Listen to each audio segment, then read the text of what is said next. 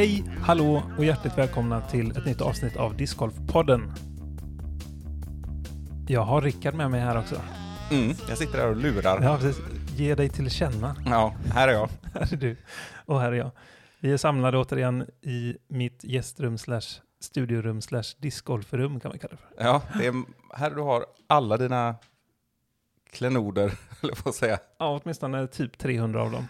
Ja, exakt. Sen ligger några i en väska ute i hallen också. Men ja, det är, så det ser ut. Och idag ska vi ju prata med en alldeles speciell gäst, tycker jag. Mm, På många sätt. verkligen. För det här är ju en eh, herre som har varit med länge i discgolfsammanhang. Han har spelat i 45 år, måste det ju bli nu då. 44 år i alla fall. Ja, han började spela 11 år innan jag föddes. Och ett år innan Patrik Arveberg spelade. Ja, just det. Han hann först. Han hann före där. Exakt. i den tvekampen. Den vi pratar om har PDA-nummer 1582. Fyrsiffrigt och ganska lågt. Ja. ja, när ett PDA-nummer kan vara ett årtal som har förlidit så att säga, då är det ganska lågt. Verkligen. Det är också en spelare med en lång meritlista. Bland annat satte han fyra svenska rekord i längd på slutet av 70-talet. Han har varit och spelat på väldigt många ställen. Han har varit TD för stora tävlingar. Han har designat banor. Han har gjort det mesta. Ja, det har han verkligen. Ska vi ta och prata med huvudpersonen? Vi gör det. Vi hoppar direkt in i din nya färska presentation. Yes, det gör vi. Ge honom något platt och runt i plast och han gör ett otroligt kast. Golf, TRC eller MTA, det spelar ingen roll, han gör det lika bra. Pallplatser finns det många, helt utan måtta, senast i år, men även redan 1978. Kasta långt, det gjorde han. Kastar långt, det gör han. Europarekord 1978 i längd, men i och med det var inte karriären stängd. Europarekordet 2015 för personer över 55, ja även det tog han hem. Hur långt undrar ni? 128 meter. Nu välkomnar vi, ja, vad är det nu han heter? Jo, inget mindre än Anders Svensson. Varmt, varmt välkommen. Tack så mycket. Vad trevligt att höra lite grann från er. att Ni kommer ihåg en gammal gubbe från 70-talet också. Tack så mycket. Ja, det är klart. Kul, eh, kul att ha dig här. Tack så mycket. Jättekul. Och det var lite spoilers här också i, i Simons presentation. Som vi kommer att prata om mer om. Ja, precis, exakt. Va, Allt, allt, här, här var det helt korrekta uppgifter som vi levererade va? Det stämmer. Det stämmer. Ja, vad bra då. Ehm, kanske ska börja där. Vi, vi nämner ju kort eh, eh, både golf, TRC och MTA. Och det är ju så att i, vad ska man säga, eh, frisbee-sportens eh, vagga i alla fall, så var det ju ganska mycket eh, olika sporter som gällde mer. Nu kanske discgolfen har tagit fart lite mer så att säga, då, men då var det lite mer jämställt. Kan du inte berätta lite om det och vad TRC och MTA är för någonting? Ja, Det hela det börjar ju att man kastade till varandra och det kan vi kalla mer för fristil. Mm. Och fristil är ju en av de stora grenarna i början av eh, frisbeens karriär. Sen kom ju givetvis till längd, alltså kasta så långt som möjligt. Mm. Det kom TRC och MTA. TRC det står för Throw, Run and Catch, vilket betyder att du kastar från en plats och sen ska du löpa så långt som möjligt, men du måste fånga den också för att Mm. kunna få ett resultat. MTA, det är Maximum Time Airloft. Att du kastar upp den i luften och den ska vara uppe i luften så länge som möjligt innan du fångar den. Just det. Sen finns det ju även fler grenar som, eh, vi har ju diskaton till exempel. Det är ju en eh, lurig bana som är ungefär en kilometer där man låter disken göra banan och du har lite tester och du får straffportar och annat.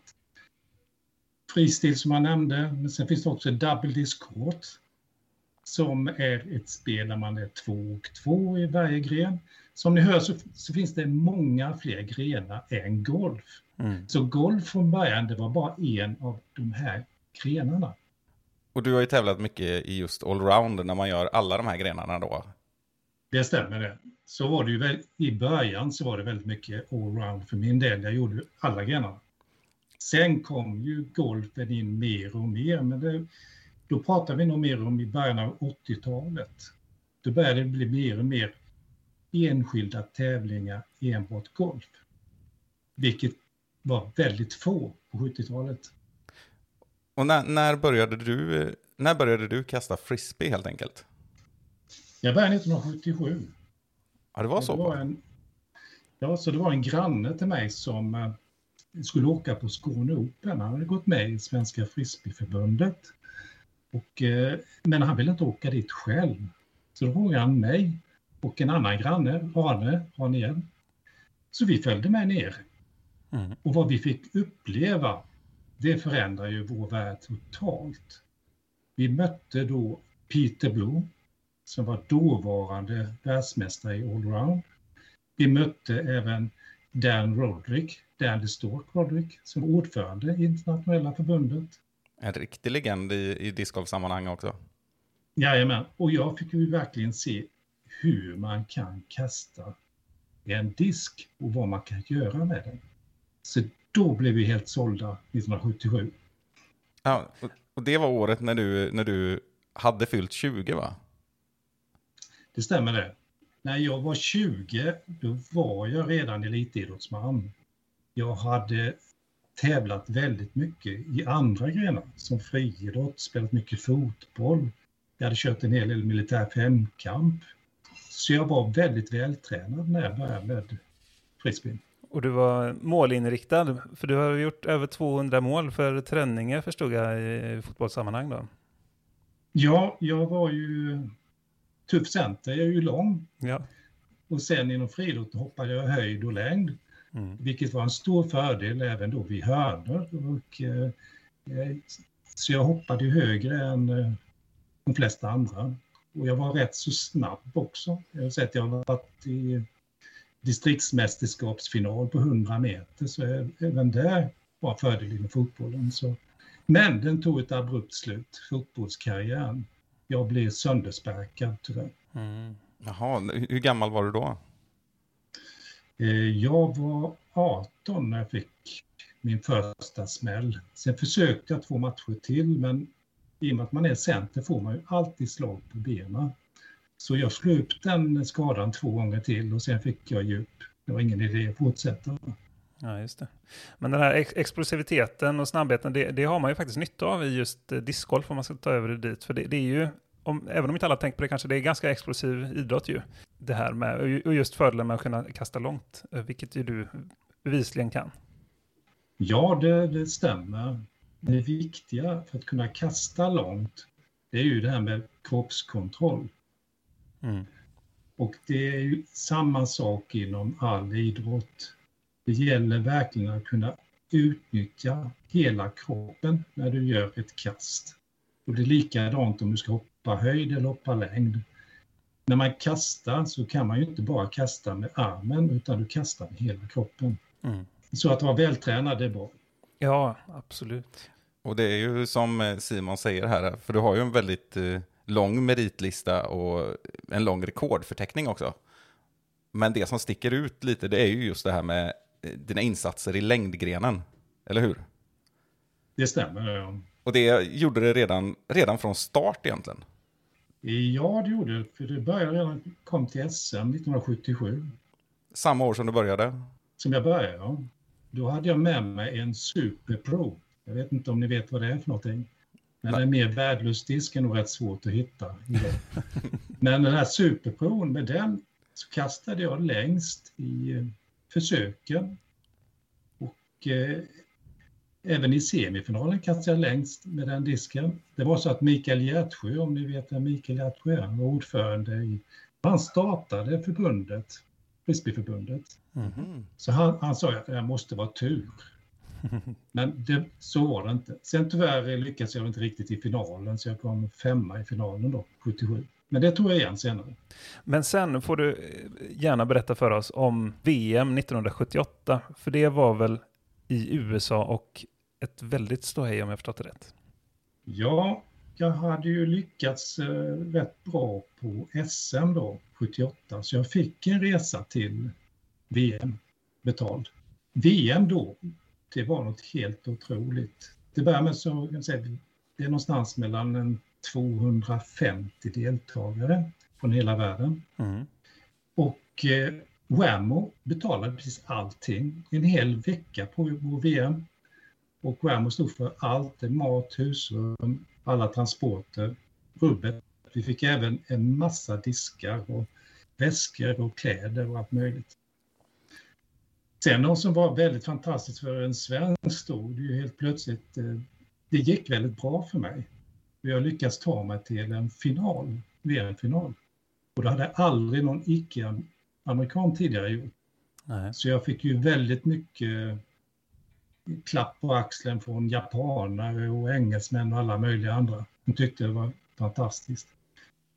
Men en stor upplevelse som, som jag fick då, det var när vi åkte till finalen. Då åkte vi i en mängd bussar och till slut så kom vi fram till finalarenan. Jag hade inte haft någon större koll på vad det var. Jag bara såg att det var fruktansvärt massa folk. Och jag såg massa poliser och jag såg att tv var där och de hade kändistält. Och det var något fantastiskt att komma in på den arenan. Det var Rose Bowl. Rose Bowl tar 100 000 och eh, det var även finalerna på VM och OS har varit där också, i den arenan. Ja, VM 94 om inte annat. Ja, i fotbolls-VM ja. Mm. Fotbolls-VM var det. Så det var en stor upplevelse att, att få kasta där inne på den arenan. Jag kan säga att jag var också den, en av de sista som kastade VM-final inom i en arena.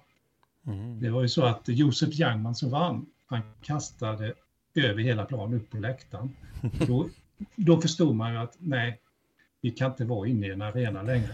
Så det var sista gången en VM-final var i en arena. Just Det, det. får bli på någon sån här eh, Indycart-arena eller någonting, Indy 500-arenan, som är två kilometer lång eller något. I så fall. Ja, något sånt där.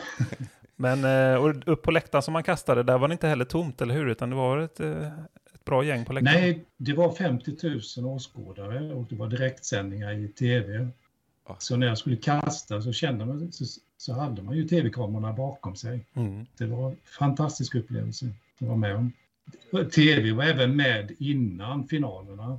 Så jag var även med på eh, lite reklamgrejer före eh, VM-finalerna också.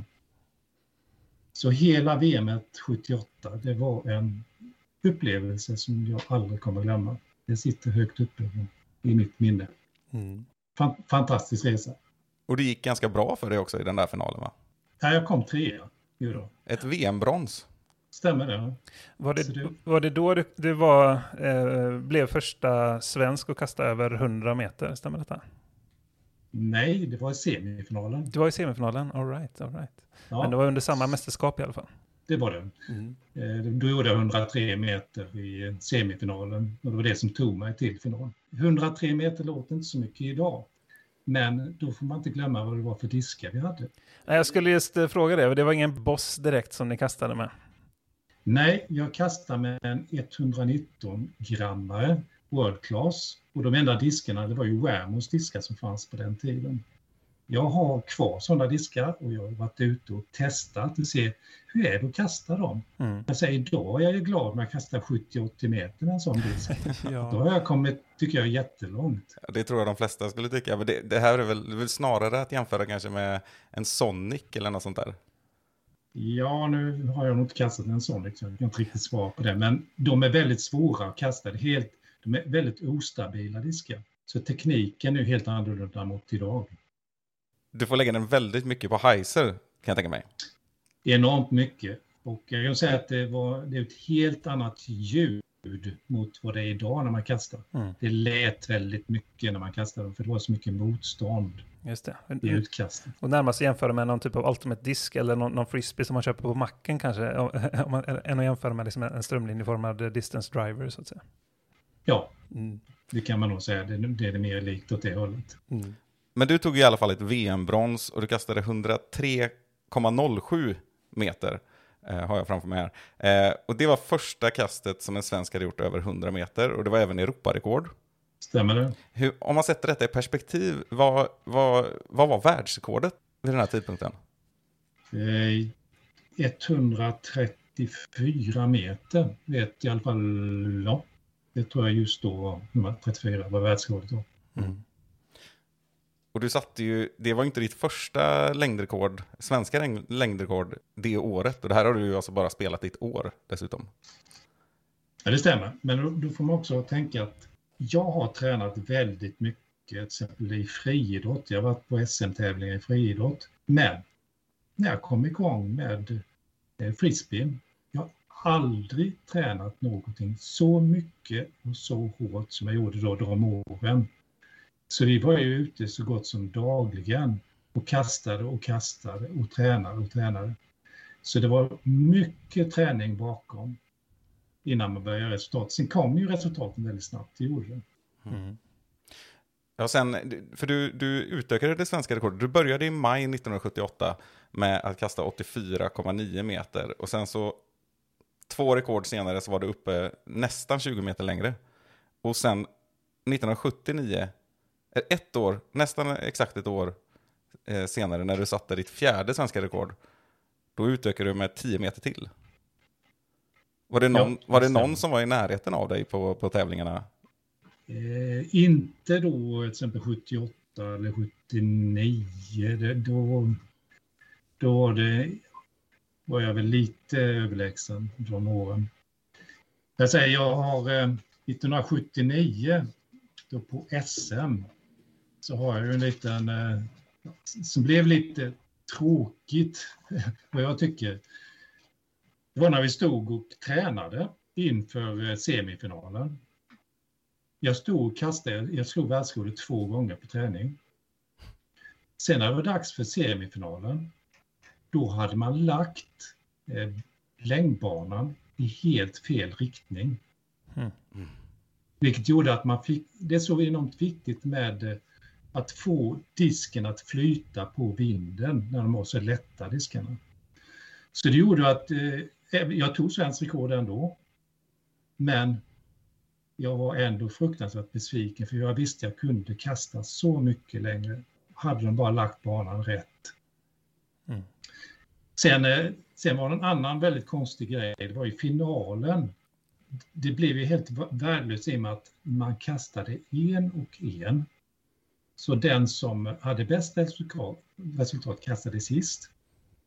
Mm. Problemet för mig blev då, vi var fem i finalen, när det var dags för mig, då hade vinden vänt, jag fick motvind. Så trots att jag var överlägsen och var bäst, så kom jag sist i finalen. Mm. Så det var en sån här... Det, efter det ändrade man hur man kastar längdfinaler. Alla kastar samtidigt för samma förutsättningar. Just det. Så så går en längdfinal till idag. Mm. Så det lärde man sig där. Just det. Och du, du spelade rätt mycket och tävlade i de här olika frisbeegrenarna och sådär eh, in på 80-talet en bit. Men sen så eh, hade du ett ganska tydligt eh, eh, glapp så att säga va? Ja, jag började studera en del också på Mm. högskolan. Och då eh, blev det inte så mycket träning. Och det blev inte lika seriöst för min del då. Eh, jag hade inte tiden att lägga ner. Och jag kunde inte prestera då heller när man inte tränade så hårt. Så för min del så var det då 78, 79, 80, 81, 82 däromkring som var mina bästa år. Men då kastade jag också mycket och tränade mycket. Mm. Sen blev det lite mindre träning och då kom ju inte riktigt res- resultaten på samma sätt. Men du tog ju en SM-medalj så sent som för ett, några veckor sedan här. Ja, det stämmer och det är jag väldigt stolt över. Ja, Med, med de förutsättningar som fanns. precis. Du började återigen spela ganska mycket under 2000-talet kan man ju säga. Ja, jag började egentligen när jag gick i pension. Mm. Som det gjorde jag i november 2019. Så då tänkte jag nu, nu har jag tid. Jag kan bestämma min egen tid. Så 2020 satte jag igång och började kasta mycket igen. Och det är för en man i min ålder så är det perfekt för att hålla kroppen lite mer i trim. Så det är helt fantastiskt att få chansen att kunna kasta mycket och komma ut i naturen. Det är den bästa sysselsättningen jag kan tänka mig just nu. Jag kan bara hålla med. Ja. Vad- Jag tänkte på det, vi, vi, vi kommer ju fråga dig lite, för jag vet att du har en del eh, målsättningar framöver och sådär och satsningar framåt. Men det finns ju en historia vi verkligen vill att du ska berätta här idag. Ja, Och det är ju något som hände nu, var det i januari i år? ja det stämmer. Det var ju så att jag eh, i början av året tänkte att nu ska jag komma igång tidigt och träna. För jag tyckte det började gå rätt så bra i slutet av förra året. Jag kom till och med tvåa på vintertouren i Ale på Open. Jag tänkte nu, nu jäklar. Nu ska jag köra igång tidigt. I. Så jag körde igång i januari och började träna.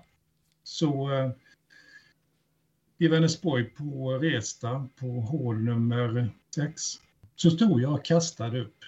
Det ligger på en höjd. Jag gick upp för att eh, hämta mina diskar. Och sen när jag gick ner så var det, det här var halt. Det hade varit en del snö innan och sen så hade det smält. Så jag halkade till och bröt min handled i min kastan. En discgolfares mardröm. Ja, det var en mardröm verkligen. Eh, Men för min del så innebär att jag kastar discgolf, det har faktiskt räddat mitt liv. För detta fallet som jag gjorde, det innebar då att eh, man var tvungen att operera min handled. Och när man skulle operera det så började man lyssna lite grann, man lyssnade på hjärtat. Och då upptäckte man att eh, jag hade ett klafffel. Det var ett läckage i en klaff. Mm. Och då fick jag vidare till ultraljud på ultraljudet hittar man ett allvarligare problem.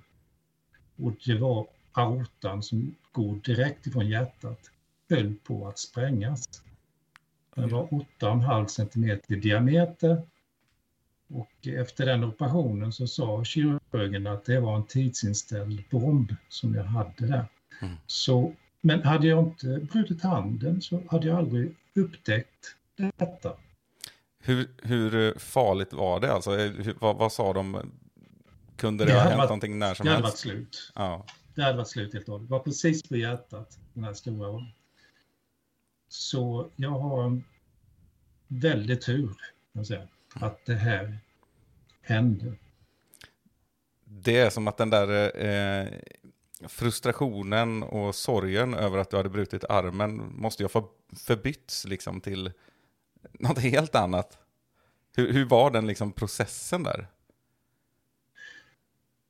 Det, det första var ju lite grann att man eh, efter operationen och sen hade man lite några jobbiga veckor på sjukhuset. eh, Man började att värdesätta livet på ett annat sätt. Det, jag visste då, jag, jag förstod ju att jag var väldigt nära slutet. Mm. Att eh, egentligen så, så, så var det ju väl- väldigt liten chans att jag skulle ha levt idag Mm. Det mest troliga så hade det varit slut för min del just nu. Det, det får att man får ett annat perspektiv på saker och ting. Ja, det är helt otroligt. Det är ju också att eh, jag vill kasta ännu mer. För jag ser ju det här hur bra det blir för min kropp. Till exempel jag har haft mycket ont i ryggen. Är så att jag har jobbat på Volvo många år. Mm. Så då har jag pendlat mellan eh, Göteborg och Trollhättan. Och när jag kommit hem så har jag inte orkat med att göra så mycket. Men vad det har inneburit är att jag suttit så mycket hela tiden. Så jag har fått väldigt ont i ryggen. Men förra året då när jag kom igång med discgolfen, ryggproblemen försvann. Mm. Jag märkte det också då efter operationen då när jag legat tre veckor på sjukhuset. Då började jag få problem i ryggen igen. Så jag hade lite problem i ryggen då när jag började kasta. Men nu är det slut. Nu är det väck. Nu mår jag bra i ryggen igen. Så discgolfen är fantastisk för mig. Mm. Inte bara att man kastar utan du går mycket i terrängen, upp och ner. Och jag tror det är väldigt bra för kroppen. Absolut, det tror jag med. Hur mår du idag i allmänhet? Jag menar, det här är ju stora ingrepp och operation och hjärtat och, och, och det är ju i år du har ju genomgått detta. Ja, det stämmer. Eh, Visst känner jag att jag inte orkar så mycket. Eh, Men orken blir bättre och bättre. Jag kunde ju inte gå många meter i början efter operationen. Men idag så kan jag ju ta mig runt en golfrunda på ett bra sätt. Det här eh, har jag tänkt eh, ska bli ännu bättre framöver. Mm. Så SM var på grund av detta var ju en stor vinst. Att, för jag var väldigt orolig, ska jag orka gå så många runder? Mm. För det var två runder som gick på torsdagen, två på fredagen, två på lördagen. gick jag en på söndagen. Och jag tog mig igenom det. Det var en stor vinst. Ja, det här är ju, det har ju gått väldigt fort och vi har ju kunnat följa det här på nära håll. För som du sa så bor ju du i Trollhättan och vi är ju klubbkompisar. Ja, Och, och det var väl eh, under våren, vi kände ju inte till detta och så när vi drog igång vår, våran veckotävling här i Vänersborg i april, då dök du upp någon gång utav de första, men du fick väl bryta någon gång för att du inte klarade hela varvet så, men det är ju ändå sensationellt tillfrisknande väl? Känns det som. ja jag är väl rätt enveten om mig också. Men jag har en fru som försöker stoppa mig så mycket som möjligt. Hon vet att, eh, att jag måste ta det lite försiktigt. Ja. Men jag, jag, när jag pratar med läkare och sånt, de håller väl med mig lite grann att eh, det farligaste jag kan göra det är att sätta mig ner och inte göra någonting alls. Mm. Och sen eh, har jag fått en väldigt bra känsla för vad jag klarar av. Som, eh, jag har gjort en del arbeten hemma då. Och eh, då har jag märkt att nu, nu räcker det. Okej, Antingen har jag fått gå in eller så har jag fått stå stilla en stund. Och så är det ibland blivit mindre och mindre med golf, när jag går runt på en golfrunda. Men ibland blir det så att jag får stå helt stilla. Därför jag, det tar, jag äter ju så mycket tabletter så jag blir ju lätt snurrig ibland. Mm. Men i golfen, jag vill säga det som har hindrat mig mest nu i, i slutet, det är min handled. Det är jobbigt att få igång den. Men det blir bättre även där eller? Ja, jag såg jag var i, var på banan igår, jag gjorde tre under igår Ja. med eh, massa puttar som man skulle kunna lägga till. Och även på tisdagsgolfen var det, jag gjorde väl lätt under sista nu. Just det, det var när vi gick ihop ja. Ja, så det kommer mer och mer. Mm. ja. Det är gott att se att det går åt rätt håll, helt klart. Ja. Eh, Och det, vi får tillägga detta, du pratade om SM där nu i år och det var ju nu början av juli. Och du spelade alltså Ja. sju rundor på fyra dagar då förstår jag det som. Alltså två träningsrundor på torsdagen också. Eh, Ja, var det träningsrunda. och tog ju ett silver i din klass dessutom. Ja, så det är jag väldigt nöjd med att jag lyckades med det. Mm. Med de förutsättningarna. I normala fall så hade jag inte varit nöjd med det. Nej, jag, ty- jag tyckte faktiskt att det lät som att du var lite missnöjd ändå när jag pratade med dig ganska snart efter. Att, eh, ja, det var väl frustration över situationen snarare kanske sådär att... Eh, Ja, att jag inte kunde spela bättre än vad jag gjorde. För jag tycker inte jag spelar särskilt bra. Eh, när man vet att man kan betydligt bättre. Men sen vet man att förutsättningarna gör ju att det går inte. Och då finns det lite frustration när man inte får ut någonting av det man, man vet finns där. Men det, det, det får komma framöver. Jag ger mig inte. Ja, det är bra det. Nej, och i den här takten som, som du utvecklas nu, vad, vi har ju pratat lite om det du och jag tidigare också, men vad, vad har du för målsättningar eller vad siktar du på eh, 2022? Jag, mer långsiktigt är att komma iväg igen till EM, Mm. Europamästerskapen. För jag såg nu på EM att, eh, det som skulle vara i år då, så är det massa gamla kompisar som är med. Mm. Till exempel i min åldersklass är det Derek Robin som jag har tävlat mycket mot. Jag, jag har revansch mot, honom som jag vill från eh, jag vet, en tävling 79 i London då han vann före mig. Det var Mm. jag också lite irriterad på. Och det finns eh, fler tävlingar när han precis kommit före mig. Han var, på den tiden var det bästa golfaren i England. Ja, och Så han, vi, vi har haft en del fighter och det skulle vara jätteroligt att få träffa honom igen. ja, han, han kan ju kasta fortfarande. Han är, han, han är i liknande ålder som dig.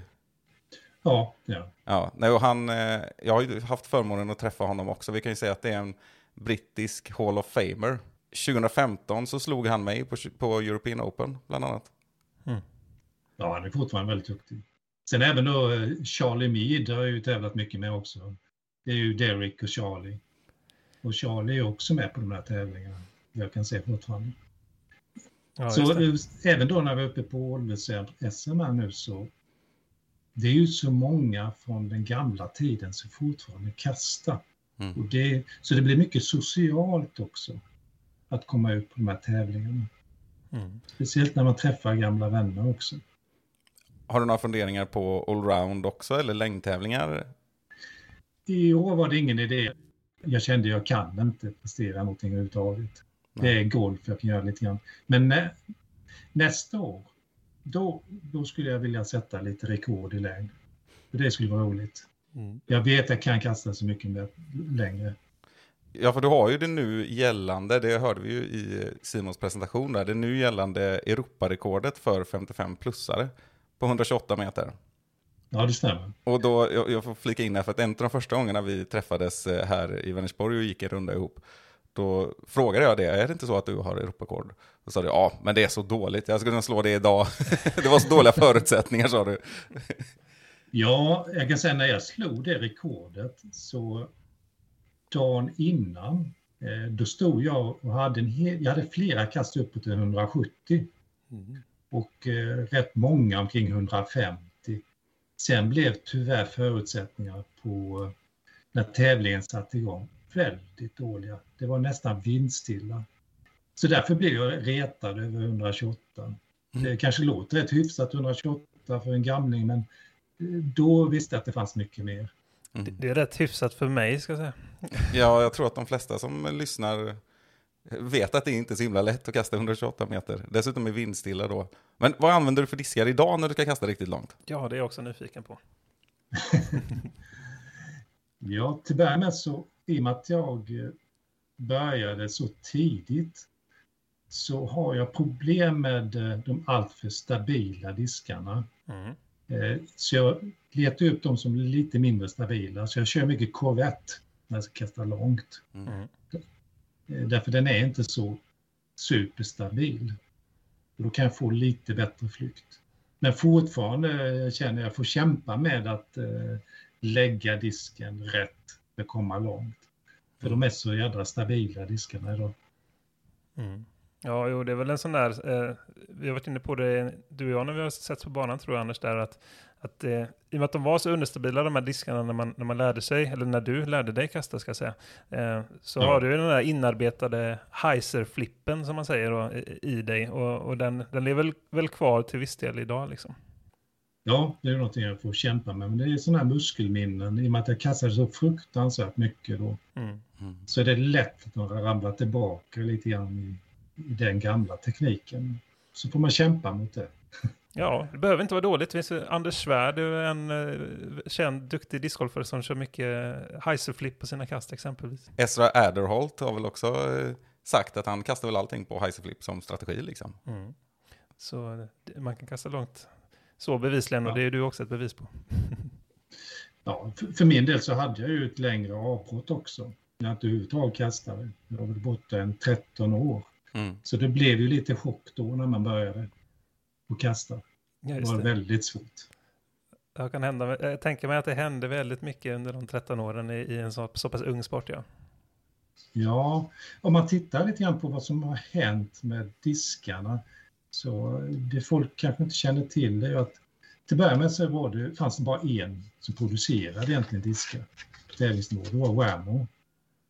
Och de dominerade ju ända fram till 83. Så 1983 då kom Innova Champion Disk. Och då kom en disk som heter Eagle. Mm. Och så småningom kallade de den för Aero lite senare, men Eagle hette den då. Och det som var revolutionerande då, det var att den hade en spetsig rim. Det som hände då 1983, det var ju att på SM förbjöds den disken. Och eh, det blev mycket diskussioner då på SM 83, men det var ju så att det här skulle bli väldigt ojämnt. De som hade lyckats få tag på disken skulle ha haft ett sånt övertag. Så det gäller ju att... Jag vet att reglerna ändrades också så att det måste komma ut ett visst antal diskar för att de ska bli godkända. Eh, alla måste ha möjlighet att kunna skaffa disken. Mm. Det är rätt stor kontrast till idag. Det är inte som att... Eh, Tänk om man skulle göra så med de som inte fick tag i Cloudbreakers eller en four-time Paul Macbeth zone. Liksom. Ja, Nu, är- nu är bredden så stor och, och, och antalet diskar och modeller i produktion så otroligt många också. Och skillnaderna för de nya diskarna så små. Om Ja. man jämför. Det här var ju ett revolutionerande eh, steg att gå, från, att gå till en mer aerodynamisk disk. Liksom. Ja, precis. Och den här ska väl inte förväxlas, eh, förväxlas med eh, dagens Innova Eagle? För det är inte samma disk va? nej, det är Nej. inte samma disk. Utan det här var ju den första spetsiga disken som överhuvudtaget kom fram. Mm. Sen eh, något som kanske kan vara lite intressant att veta också, att det var PDGA det var ju sin linda på den tiden. Mm. Men då året efter, 1984, då bestämde man sig för vad är det som gäller här nu för eh, en disk. Så det kom ju massa förslag då. Jag var, till, jag var även med i omröstningen om vad en dis- disk får väga till exempel. Mm. Så resultatet blev ju att en disk måste vara minst 21 centimeter i diameter. Men mindre än 40 centimeter. Sen kom man även fram till att vikten får inte vara högre än 8,3 gram per centimeter i diametern. Det gjorde att man fick vissa, ett regelverk runt omkring disken, hur en disk får se ut för att bli godkänd. Jag tror det här gäller fortfarande idag. Jag eh, vet inte exakt, men det här var vad som hände då 84. Mm. Då bestämmer man hur en disk får se ut. Det låter som att det är det som skulle kunna stämma Det i, låter idag inte orimligt i alla fall. Nej. Nej. Eh, Jag vet inte det där per centimeter, men det är ju inte många diskar som väger över 180 gram i alla fall. Nej, jag, har, jag tror att det är eh, en sån här eh, Big Kahuna som jag har hemma. Mm. Den är ju 200 gram, men det är ju också en Ultimate Disk-variant. Men den tror jag är PDGA eh, godkänd faktiskt. Mm, okej. Jag kan inte svära på det, men jag tror det. Tittar vi på en 20 21, gram, eller 21 centimeter, då får den vara max 174 gram. Mm. Och de största får vara max 200 gram. Just det. Så det där ligger emellan. Mm. Det som bestämdes på den tiden. Då. Mm. Men det är mycket roligt att det lever fortfarande idag. Det kan jag tänka mig. Ja, nej men du har ju fantastisk eh, trevlig information det här. Och du, du Anders, eh, med en sån här gedigen karriär, har du någon ytterligare anekdot du skulle vilja dela med dig av eh, under de här åren som du har varit aktiv?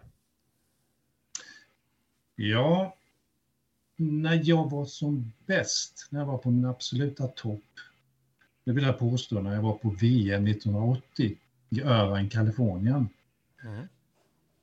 Jag kom vidare till en eh, semifinal. Och när jag väl var i semifinalen så började allt fungera helt perfekt. Jag fick den ena börden efter den andra. Och helt plötsligt så låg jag tre under.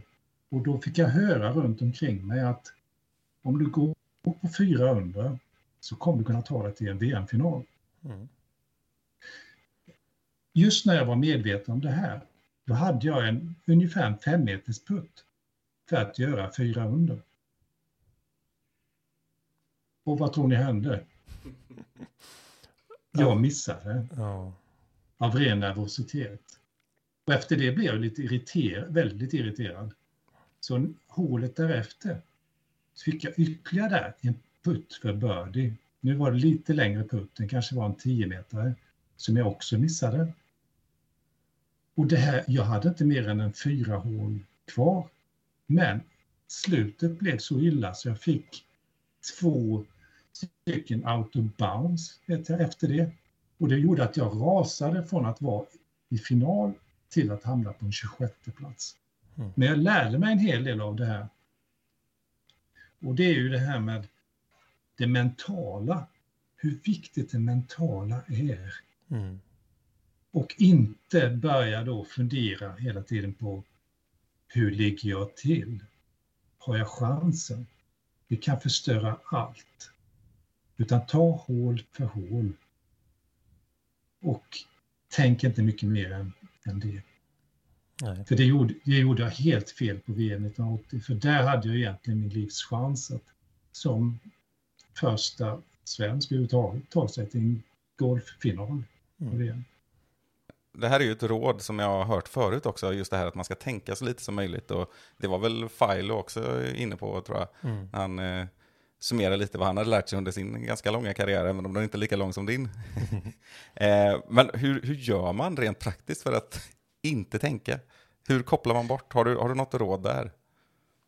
Jag vet nu när jag kastar som bäst och när jag var som bäst. Det är ju det att man får lägga ner mycket. Till början måste man ju ha bakgrund av att ha mycket träning. När du väl har tränat väldigt mycket och sen kommer ut på en tävling så då brukade jag analysera hålet och kastet jag ska göra. Jag funderar då innan. Sen när jag det, det är färdigt, vilka vinklar jag ska ha, hur jag ska kasta, måste jag låta allt lämna över till min kropp. Sen måste man blanka ut allt. Nu bara låter du kroppen göra det. För, för börjar du tänka under hela kastet, du tänker precis nu ska jag den vinkeln, den vinkeln, då blir det väldigt stelt. Och du får inte det här naturliga i kastet. Så analysera innan, men när du väl ska göra ditt kast så måste du överlåta till ditt muskelminne. Mm. Jag har haft en sån här fantastisk runda i Norrköping en gång. Eh, Där jag hela tiden eh, lät kroppen bestämma. Och då lyckades jag göra en 38. Det är mitt absoluta rekord på en Ja. 18-årsrunda. Och det var, var den, eh, ja, hur många kast under var det då i det fallet? Det är i alla fall 16 under om det är par tre på alla hålen. Eh, Det var, eh, som banan såg ut då, så hade vi nog par tre på alla gånger. Mm. Stämmer? Ja, det är imponerande.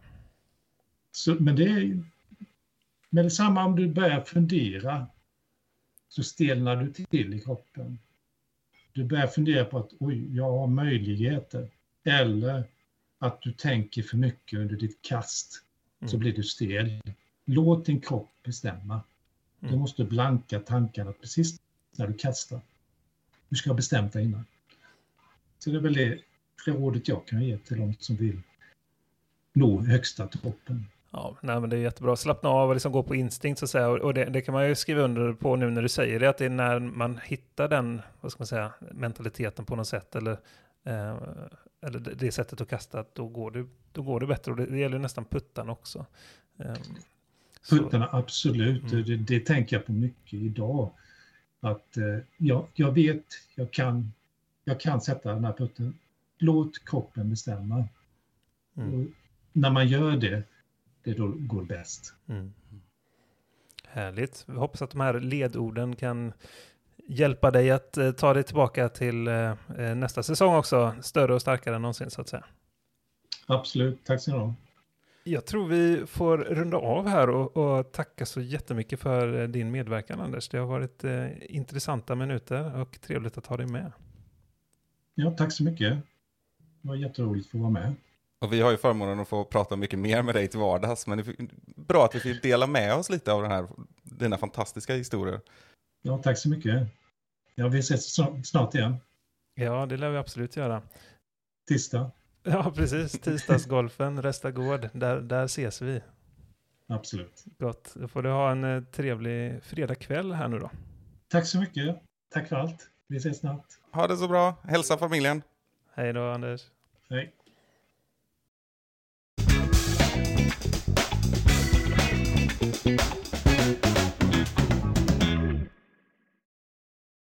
Och där hade vi med oss Anders Svensson i podden.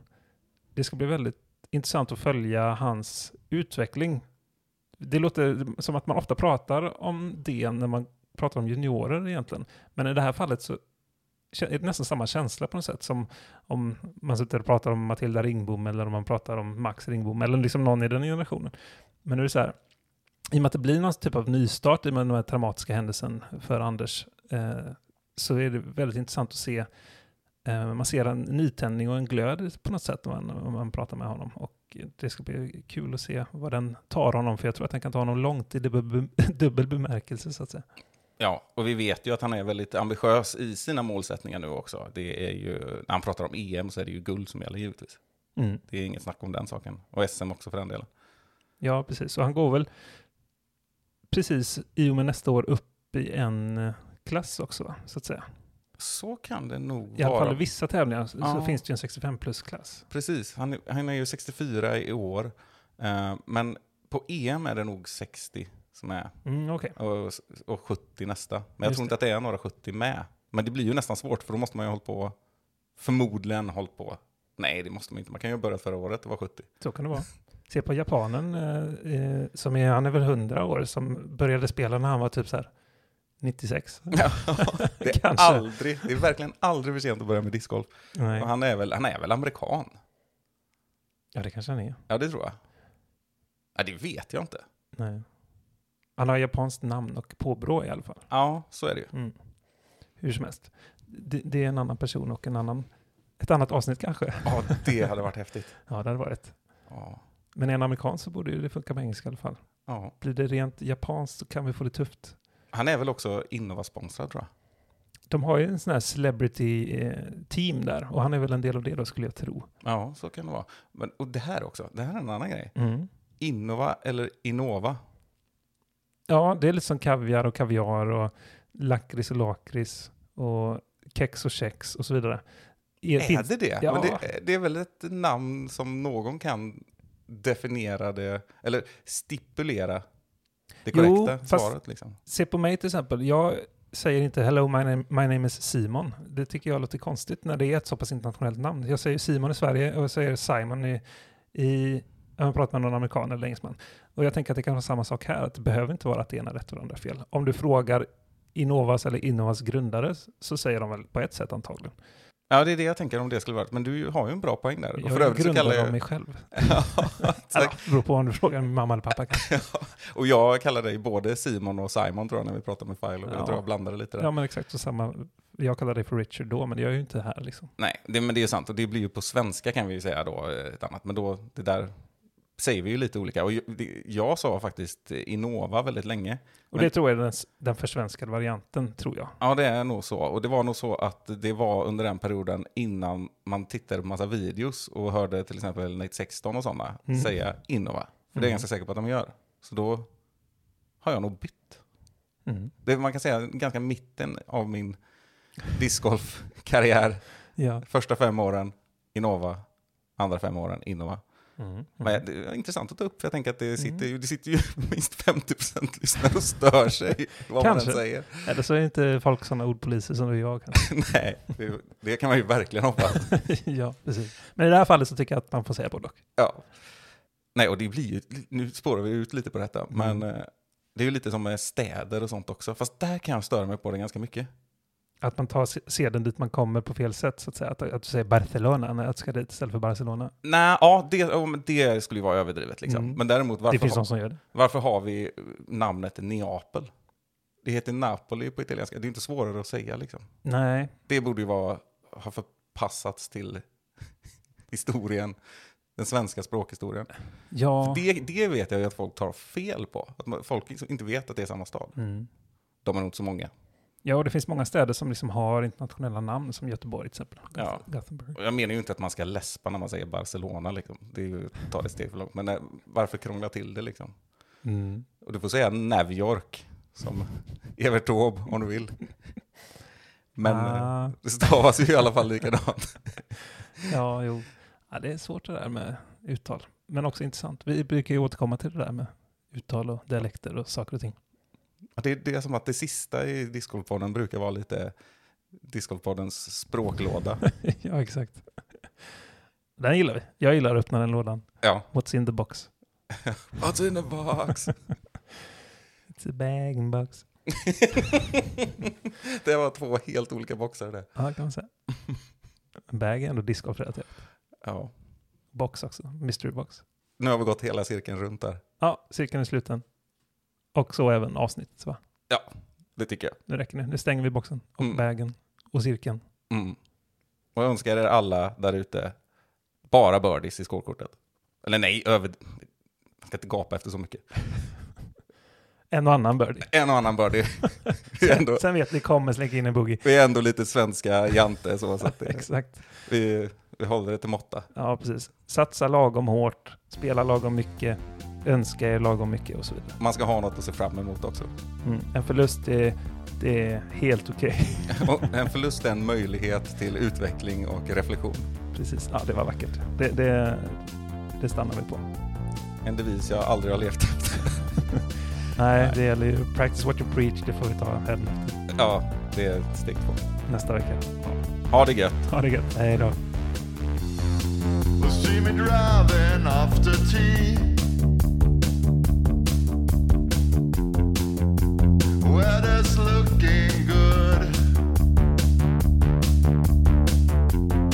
I got a disc bag full of tricks. Yeah, I got them spinning. I'm listening to music you can't hear. I got my magic plastic in the air.